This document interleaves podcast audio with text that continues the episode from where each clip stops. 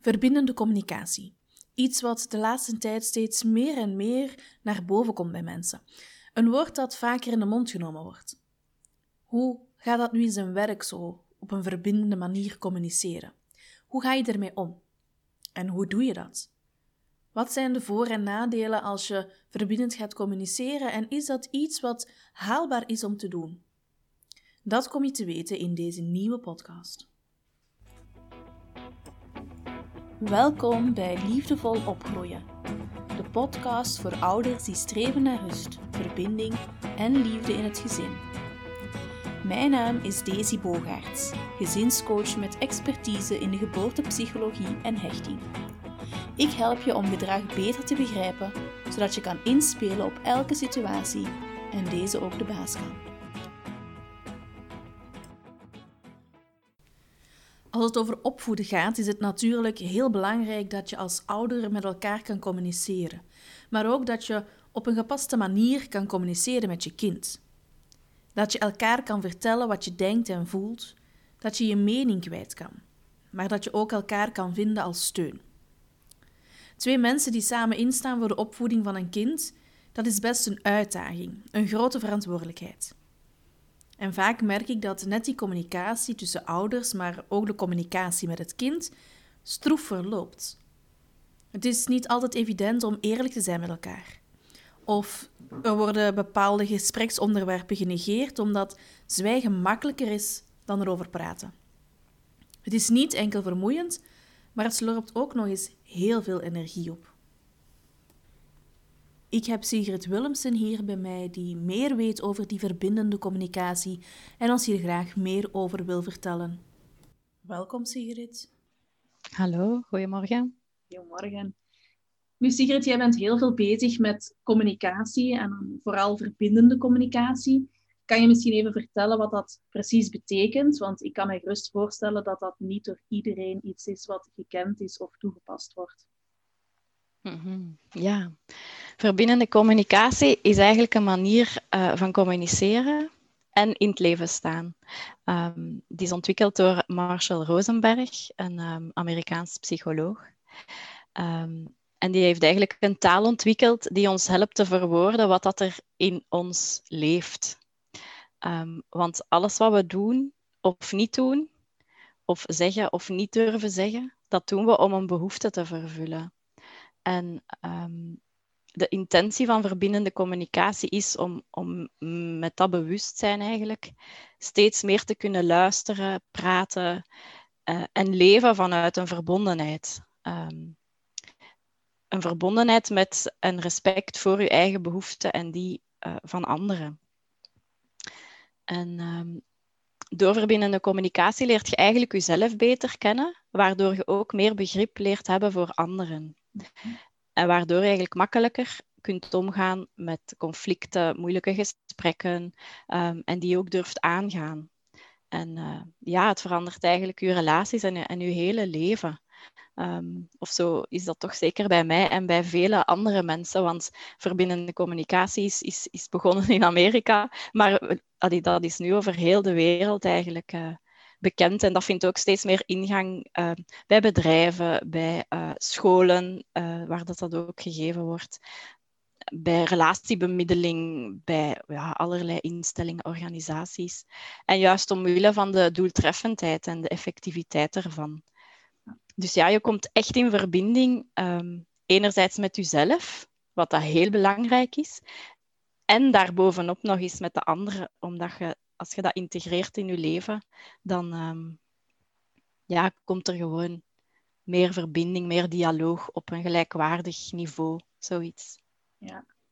Nu gezegd, hè, dat wordt gebruikt ook in scholen en zo, dus daar kan ik over meepraten, want ja, ik geef ook nog halftijds les in het onderwijs.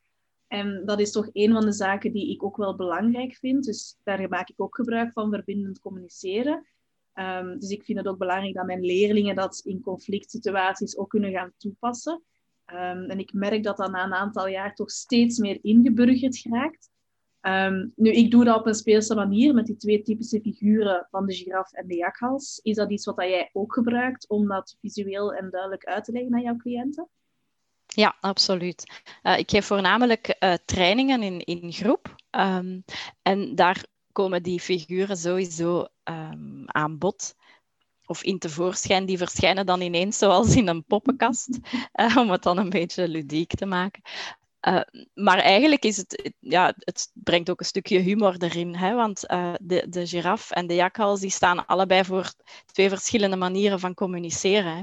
Die jakhals die um, graag in, in gevecht gaat misschien, die, die wil blaffen. Hè? Dat is denk ik een, een hele makkelijke manier. Dat zijn ze ook handpoppen waar dat je je handen insteekt en waar dat je dan ja. de, bek, de bek mee van gebruikt. Allee.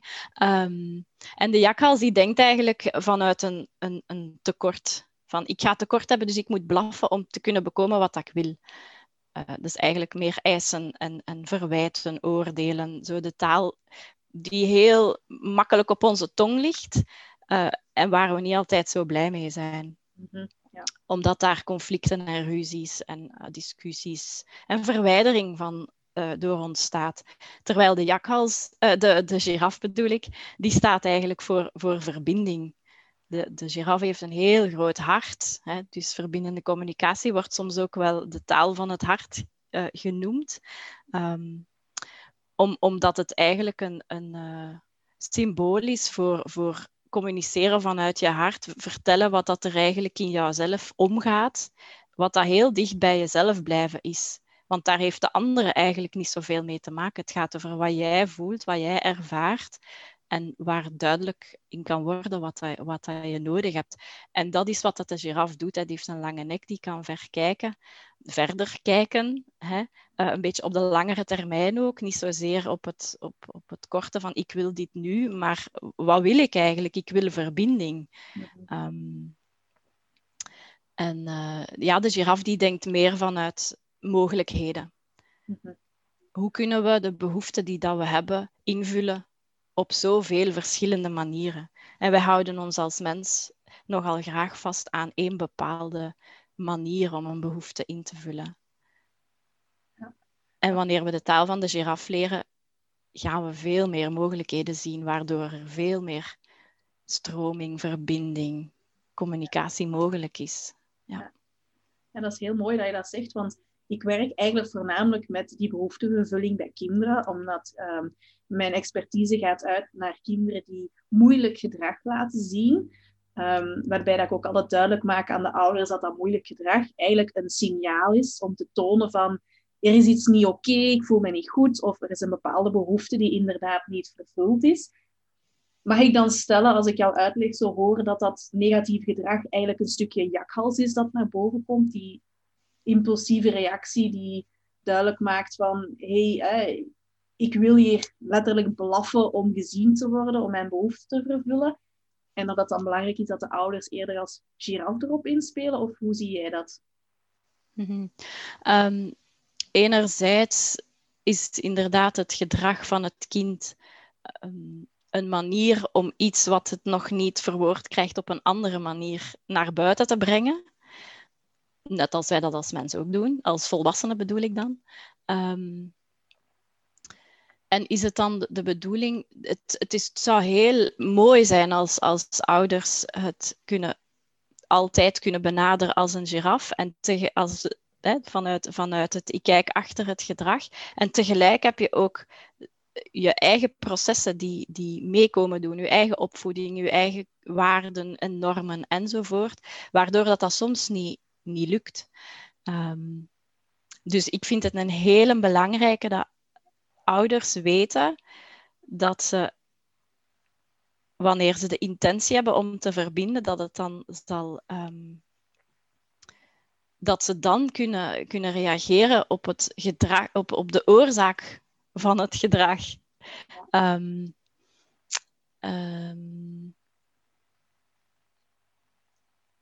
en dat er dat de manier waarop het eruit komt, is eigenlijk een, een ongelukkige um, verwoording van, van een onvervulde behoefte. Hè? Ja. Dus die jakhalstaal, je zou dat inderdaad kunnen stellen dat dat dan een, een jakhalstaal is die het, die het kind gebruikt om iets heel belangrijks, wat, iets wat heel dierbaar is voor hem of haar, naar boven te brengen. En hoe mooi zou het zijn als wij als ouder met die ogen kunnen kijken. Van het is niet het, het vervelende, het ambetante, dat zo bestempelen we dat gedrag dat, waarop dat we moeten gaan straffen en gaan, gaan, uh, gaan, gaan vitten. Maar wat zit daarachter? Ja. Ja. ja. Want dat is wat een kind wil. Hè. Een kind wil inderdaad zo graag gezien worden, gehoord worden op, op, op behoefteniveau. Maar die kan dat nog niet uitdrukken. Nee. Um, nee, Het is ook heel vaak moeilijk als ouder om het vanuit het perspectief van het kind te gaan zien op dat moment. Want wij kijken vanuit ons standpunt en wij vinden bepaalde zaken flauw of onnozel, terwijl het voor het kind wel iets heel belangrijks is. Wat maakt dat het voor ons heel vaak moeilijk is om gepast te gaan reageren. En dan zit ja, de communicatie op dit moment gewoon strop. Mm Ja, dat is, en dat is wat er dan gebeurt. Door. Het, het gedrag gaat dan erger worden, hè? Ja. omdat er niet naar de kern wordt gegaan van waar het eigenlijk om draait. Ja, ja. klopt. Hoe ben jij eigenlijk op heel het pad gekomen van die verbindende communicatie? Wel, uh, niet toevallig waarschijnlijk, Daisy, door uh, het, uh, ja, het contact met mijn jongste zoontje, dat toen vier jaar was. Ik, ehm, merkte dat het straffen- en belonen systeem, zoals dat ik dat zelf kende vanuit school, vanuit ja, de cultuur waarin dat we zitten ook, um, dat dat eigenlijk helemaal niet werkte. En, um, en ik, ik merkte dat ik met hem een ander, ik wou een ander soort contact dan in, in, gevecht gaan en in, in strijd gaan met mijn kind van vier jaar. Um, en dan ben ik op zoek gegaan naar, naar, ik heb allerlei dingen gelezen over opvoeden en weet ik veel. En tot ik een gesprek had met een vriendin die verbindende communicatie aan het volgen was. Ik had het ook ooit in een, in een eendagse opleiding op het werk al eens gehad, maar waarschijnlijk was ik er toen niet klaar voor om daar iets mee te doen. Hè. Sommige dingen komen op je pad en die zet je even opzij om dan nadien terug op te pakken. Hè. Um, en dat was blijkbaar het ideale moment om verbindende communicatie terug op te pakken. Want ik ben dan allerlei opleidingen gaan volgen om, uh, om, om, dit, om, ja, om dit soort taal, om deze taal mijn eigen te kunnen maken, zodat ik inderdaad achter het gedrag van, van mijn zoontje kon gaan kijken. En, um, en daardoor ja, de, de verbinding ervaren. En daarom is die er niet altijd in de zin van, ik ga ook nog wel eens eh, bozig worden. Hè? Uiteraard, ik ben een mens van vlees en bloed en wij worden soms boos. En maar goed ook, want dan leren onze kinderen ook dat boos zijn wel mag. Hè? Het is alleen hoe gaat het er dan naar, nadien of op het moment zelf mee om. Um, en dat bewustzijn ontwikkelen, dat, dat, um, ja, dat, dat heeft een tijdje nodig, wel vooraleer dat je dat effectief helemaal kan installeren in, in je leven. Hè. Maar het is zo mooi dat als je dan een keer uit je sloffen bent geschoten, dat je dan terug met je kind daar het over kan hebben van, oh, mama was eigenlijk wat moe of onrustig of, of wat het ook was. Mhm. um, en ik wou dat het wat vooruit ging.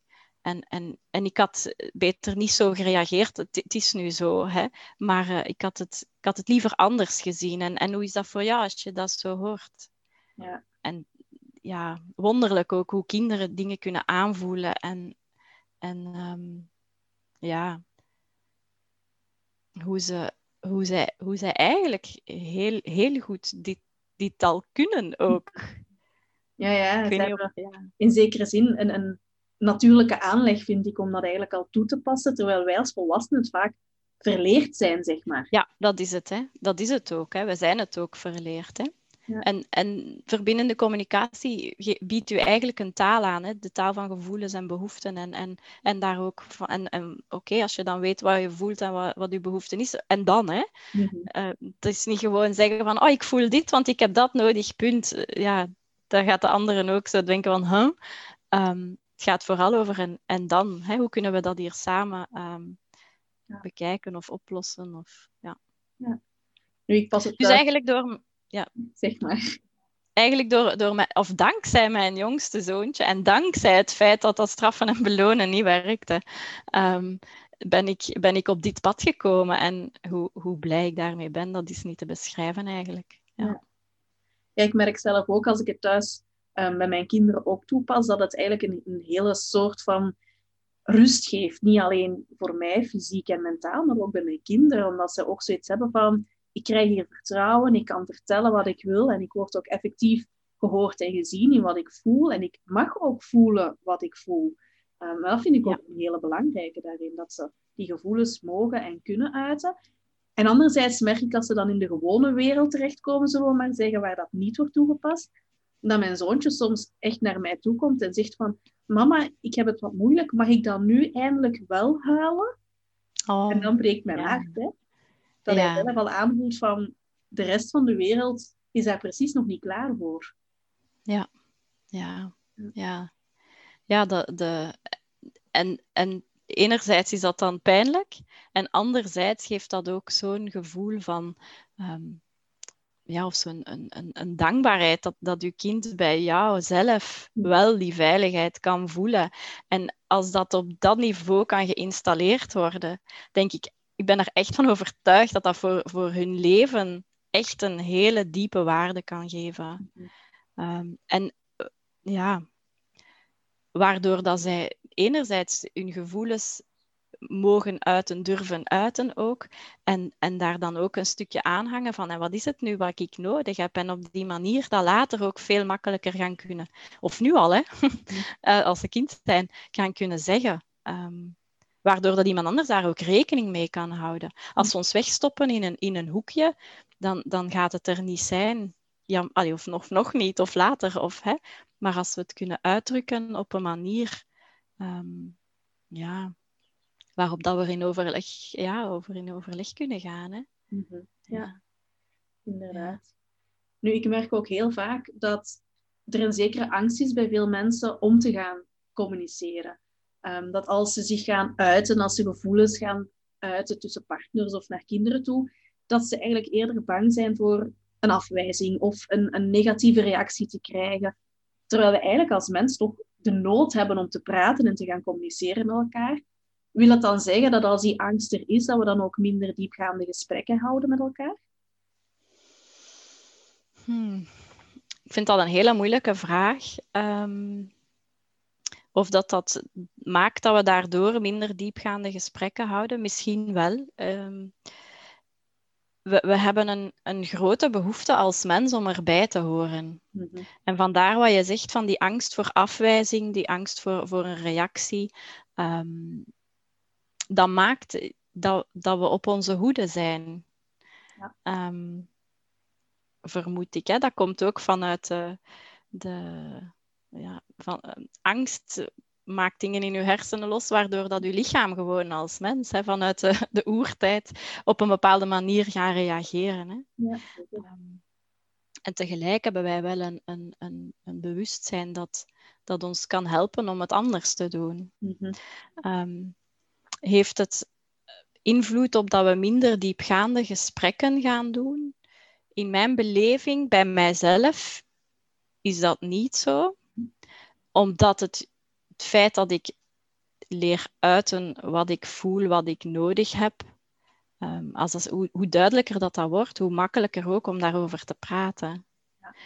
En hoe frappant ik het vind dat mensen vaak hun verhaal bij mij komen doen Mhm. Omdat ze beluisterd worden op een manier waarop ik niet ga, ga oordelen, want dat is wat dat we ook nogal doen. Hè. En, en misschien vandaar dat, dat we minder diepgaande gesprekken zouden gaan doen, omdat we schrik hebben voor die oordelen die een ander zou hebben over ons. Terwijl, wat willen we? We willen allemaal graag gezien worden. Ehm, en we willen eigenlijk die verbinding. Dus eigenlijk is dat een beetje contradictorisch dat we dat doen. Hè? Dat mensen inderdaad minder diepgaande gesprekken gaan doen uit angst voor afgewezen te worden, maar het is misschien net door die diepgaande gesprekken dat er veel meer verbinding komt. Ja. Ja. ja. Maar dat is ook het moeilijke bij, bij de mens natuurlijk. Hè? Angst gaat net de invloed hebben van jou volledig af te remmen, in plaats van jou net dat duwtje te geven om die stap te zetten. En dat maakt natuurlijk dat het eens zo moeilijk is om wel die verbindende communicatie aan te gaan natuurlijk. Ja, ja. De, de angst is, is een stukje... Ehm, als je dat vanuit de jakhals en, jakhals en de giraftaal gaat bekijken, het is, het is de jakhals die dan de overhand neemt. Hè? Hm. En die, die, die ja, niet gaat voor de verbinding. Hè? Ja. En um, ja, hoe, hoe het eigenlijk... Een, eigenlijk is dat allemaal een uitnodiging om onszelf wel kwetsbaar te durven opstellen. Want ik weet niet of dat je dat zelf ook al hebt gemerkt, maar als je zelf vanuit een kwetsbaarheid, ehm, ja, als je die toont, hoe, hoe, hoe de mensen rond jou ook meer kwetsbaarheid gaan tonen, juist omdat ze hebben gezien van, oh, dat is wel veilig. Mhm. Dus het is niet zo dat we elke keer dat we een kwetsbaarheid tonen, dat we, dat we daardoor afgewezen worden of uitgesloten worden of, of beoordeeld worden. Dat, dat hoeft niet zo te zijn. Hè? Ja. Ehm, ja, dus ik, ik geloof heel hard in de, in, de, in de kracht van kwetsbaarheid en in de kracht van voelen. Ja. Want daar zit echt kracht in voor mij. Mhm. Ja. Mhm. ja. Ik ervaar dat zelf ook. Hè? Ja. Ja. maar het is moeilijk om ja, die kwetsbaarheid te gaan tonen natuurlijk. Hè, omdat we dan vanuit onze cultuur helemaal niet gewoon zijn. We zijn eigenlijk opgevoed met je moet sterk zijn, uh, je mag niet wenen, uh, kop op. Hè, we zullen het zo stellen. Dus die overleving is iets wat we echt hebben meegekregen. Nu, er zijn nog heel veel mensen die effectief vanuit dat standpunt leven van ik mag me niet kwetsbaar opstellen, want hè, um, welke impact heeft dat dan op een mens als je inderdaad je volledig afsluit en effectief niet gaat uiten wat je denkt en voelt? ik geloof dat dat, ehm, dat dat op je lichaam slaat. Als je lichaam niet kan ontladen van de stress, de spanning, de angst uh, om afgewezen te worden, de angst voor, voor wat dan ook, ehm, dan, dan heeft dat een, een, een invloed op je lichaam. Ja. Um, en dan kan je mogelijk, kan het zijn dat je daardoor dan bepaalde uh, pobokes krijgt of ziektes krijgt of, of wat dan ook. Of burn-out krijgt of, um, of uh, ja. En, en ook ja, veel discussies krijgt, waardoor dat, dat eigenlijk nog verergert. Mm Want al die stress die bij op je schouders, misschien krijg je last aan je rug, misschien krijg je last aan je nek, aan je schouders, omdat je zo al die last daar, daarbij op, op hebt op, opdraagt eigenlijk. Of gelijk last van je knieën, bij wijze van spreken, om, omdat je plooit voor, zo, voor zoveel dingen. Uh, en, en niet, ja, niet, niet opkomt voor wat dat je eigenlijk nodig hebt. Mm. Maar dat is, dat is geen gemakkelijke natuurlijk. Hè? Nee. Um, maar ik geloof dus wel dat het, het, het de andere kant, hè, wanneer je wel leert uiten wat dat er in je omgaat, Um, daarom niet altijd tegen de persoon in kwestie, hè? tegen iemand anders of, of gewoon op jezelf. Van wat gaat er hier nu allemaal in mij om? Wat leeft er in mijn lichaam? En als dat gehoord wordt en gezien wordt, dan gaat de pijn mogelijk verminderen. Mm ja. ja, dat gehoord en gezien worden is iets wat ook wel heel vaak terugkomt. Dat is ook hetgeen waar dat ik vanuit werk. Um, maar dat is inderdaad heel belangrijk en elke mens heeft daar ongelooflijk veel nood aan op eender welke leeftijd. Hè. Dat begint eigenlijk al als baby en ja, dat blijft eigenlijk verder duren. Nu, ik ben ervan overtuigd dat die verbindende communicatie heel belangrijk is, omdat ik het zelf ook al heb ervaren. En met jou te spreken ben ik alleen nog maar meer overtuigd. Uh, nu, ik denk dat het ook wel ja, voor sommige mensen een stap is om te doen, omdat ze het misschien niet kennen. Maar is het iets wat dat je snel en makkelijk kan aanleren en, en gaan implementeren in je leven? Of vind je dat eerder een uitdaging? Mm Beide, denk ik. Enerzijds is het het, het model aan zich, hè, dat Marshall Rosenberg heeft ontwikkeld daarvoor. Um, je kan dat bekijken in, in vier stappen. Hè, van enerzijds van wat zijn de feitelijkheden, wat, is er, wat heb ik gezien of gehoord en wat voel ik daarbij? En dan welke behoefte zit daar dan achter? En dan de vierde stap is een verzoek doen van ja, hoe, ga ik, hoe wil ik dat die behoefte wordt ingevuld of hoe kunnen we dat samen bekijken. En dat model op zich is, is heel eenvoudig eigenlijk. Ehm, en tegelijk vraagt dat heel veel oefening. Want het is het leren van een nieuwe taal. Een taal die we niet geleerd hebben. De taal van de gevoelens en de behoeften.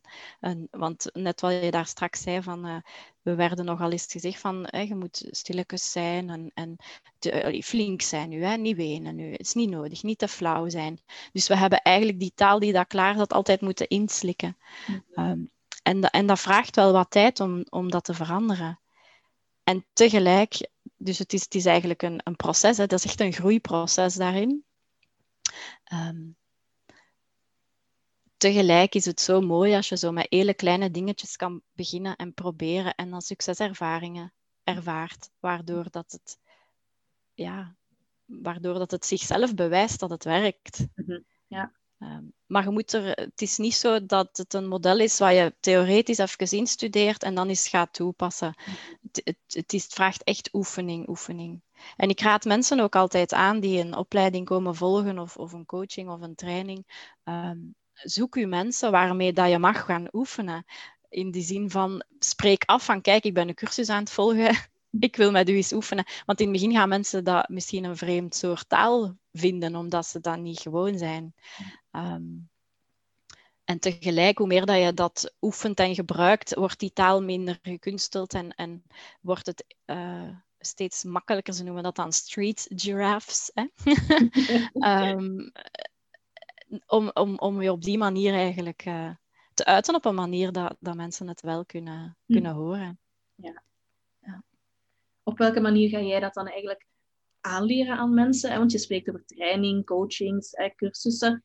Um, wat is volgens jou de beste manier om dit effectief eigen te gaan maken buiten het oefenen dan? Want ja, dat kan je pas doen als je de informatie hebt gekregen of de kennis hebt vergaard. Mm Wanneer ik trainingen geef, dan ga ik met mensen echt zeer interactief op pad. Het is niet zo dat ik uh, eerst de theorie geef en dan heb en we gaan het eens toepassen. Mm um, heel stapsgewijs opbouwen.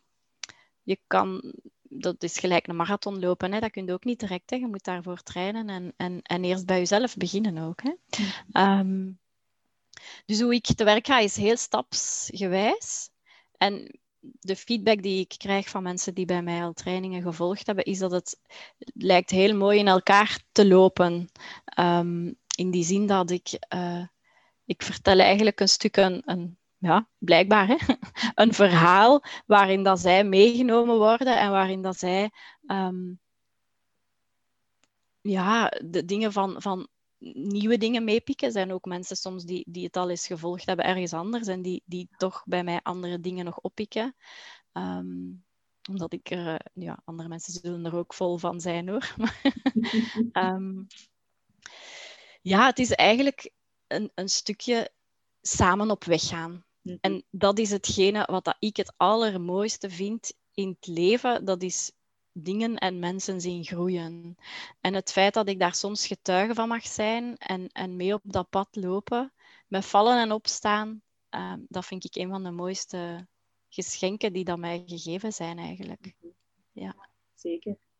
Dus samen op weg gaan is, is mijn, uh, mijn manier van uh, opleiding geven. Ja. Dus eigenlijk op een verbindende manier het samen aangaan, als ik jou goed Absoluut. ja. Ja. Is er zo een bepaalde cliënt die jou op een of andere manier toch is bijgebleven, waar je aan terugdenkt, waar je nu even iets over wil vertellen? Ja, um, ik had iemand die eigenlijk al redelijk veel bagage had in de zin van uh, psychologische kennis en, en allerlei opleidingen en coachings enzovoort. Uh, waarvan ik dan dacht van hoe ga ik die nog iets kunnen bijbrengen? Hè? Dat is dan zo mijn klein stemmetje dat zo komt meedoen.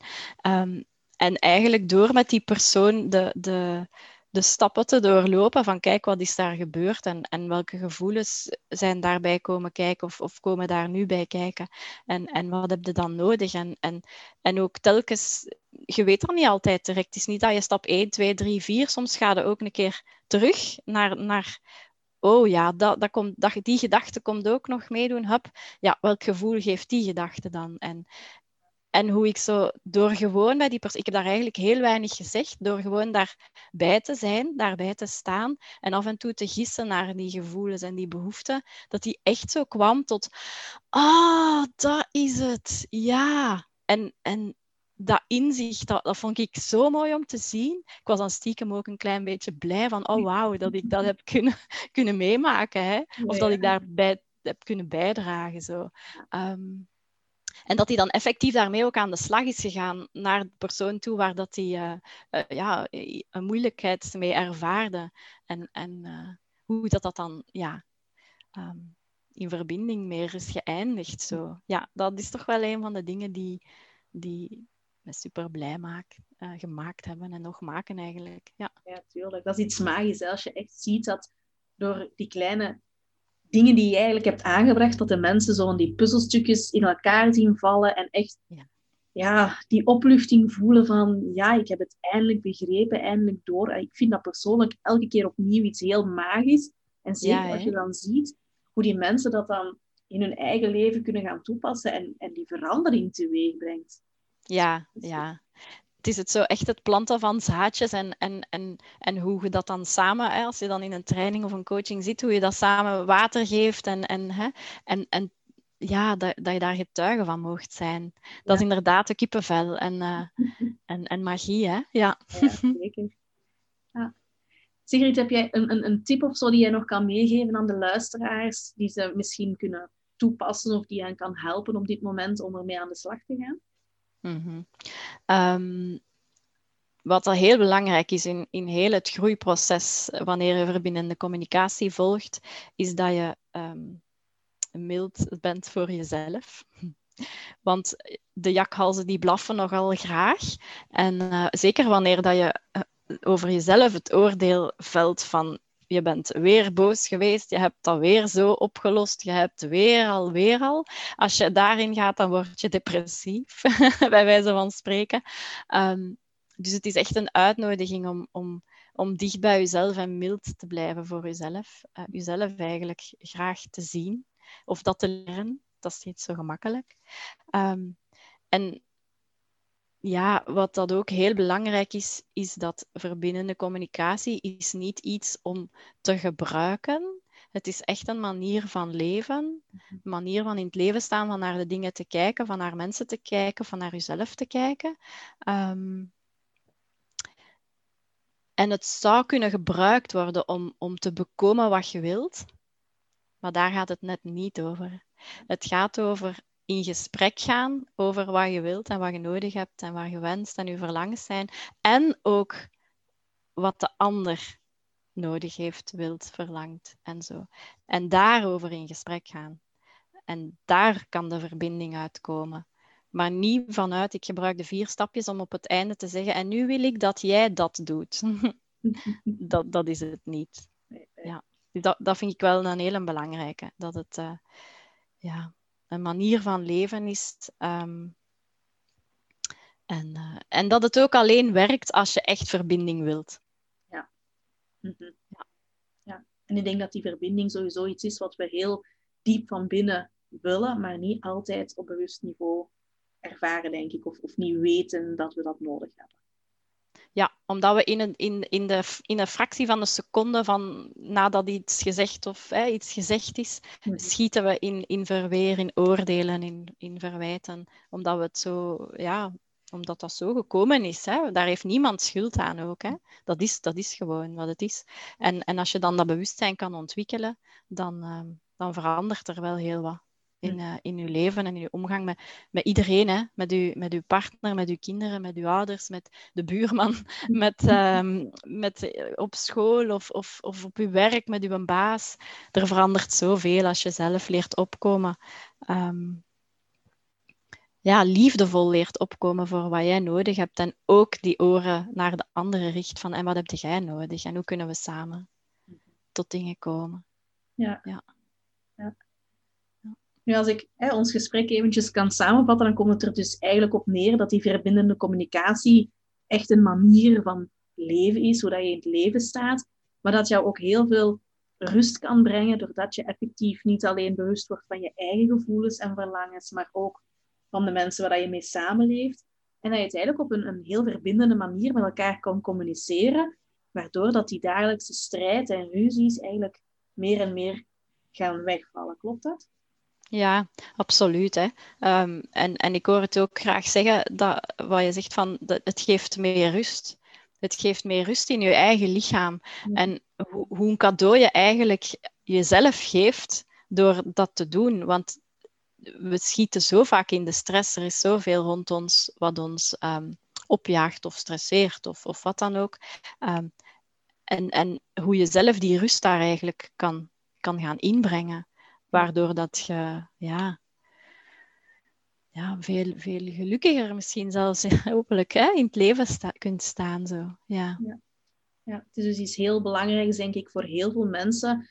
Ehm, om eigenlijk ja, zich tot zich te gaan nemen en, en zich in gaan te verdiepen. Gewoon puur voor zichzelf en hun gezin, denk ik, dat het heel veel positieve gevolgen kan hebben. En alleen maar meer verbinding kan brengen binnen gezinnen. En dus ook heel veel ja, problemen zou kunnen voorkomen. Nu, voor degenen die heel graag meer willen weten, Sigrid, en, en zich willen gaan verdiepen in dit stukje, waar kunnen mensen jou vinden of waar kunnen ze terecht om dit te ontdekken? Ja, um, ik start zelf eind februari met een online training, um, waarin we zeven weken lang uh, op weg gaan.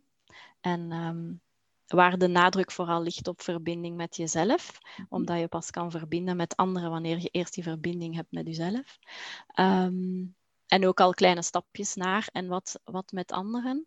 Um, en je kan daar eigenlijk informatie van over vinden op mijn Facebookpagina. At Open Up Live is mijn um, pagina. Hm.